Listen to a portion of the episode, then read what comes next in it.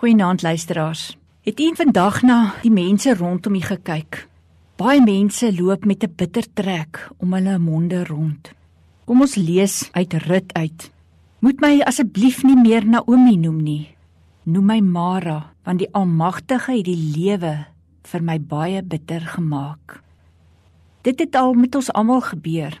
Jy bid oor 'n saak en neem 'n besluit met die beste bedoelings en dan loop alles verkeerd. Dan kyk jy rondom jou en jy sien mense raak wat openlik sonder God leef en vir hulle verloop die lewe seepglad. Dit gaan regtig voorspoedig. Persoonlik, finansiëel, loopbaangewys, terwyl jy, so voel dit, die brokstukke van jou bestaan net heeltyd bymekaar moet maak. En dit is dan wanneer die opstandigheid en die bitterheid in jou hart wortel skiet en voor jy jou kan kry, het dit jou gedagtes toegerank sodat jy nie meer God se pad deur die blare kan raak sien nie. En dan begin jy wonder, kan ek God nog glo?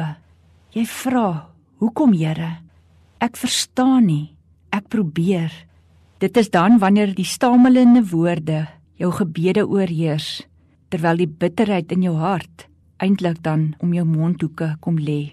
Selfs Naomi wat eens op 'n tyd raak gesien het hoe God voorsien het en in vertroue teruggetrek het, het begin koers verloor en haar verliese voor God se deur kom lê.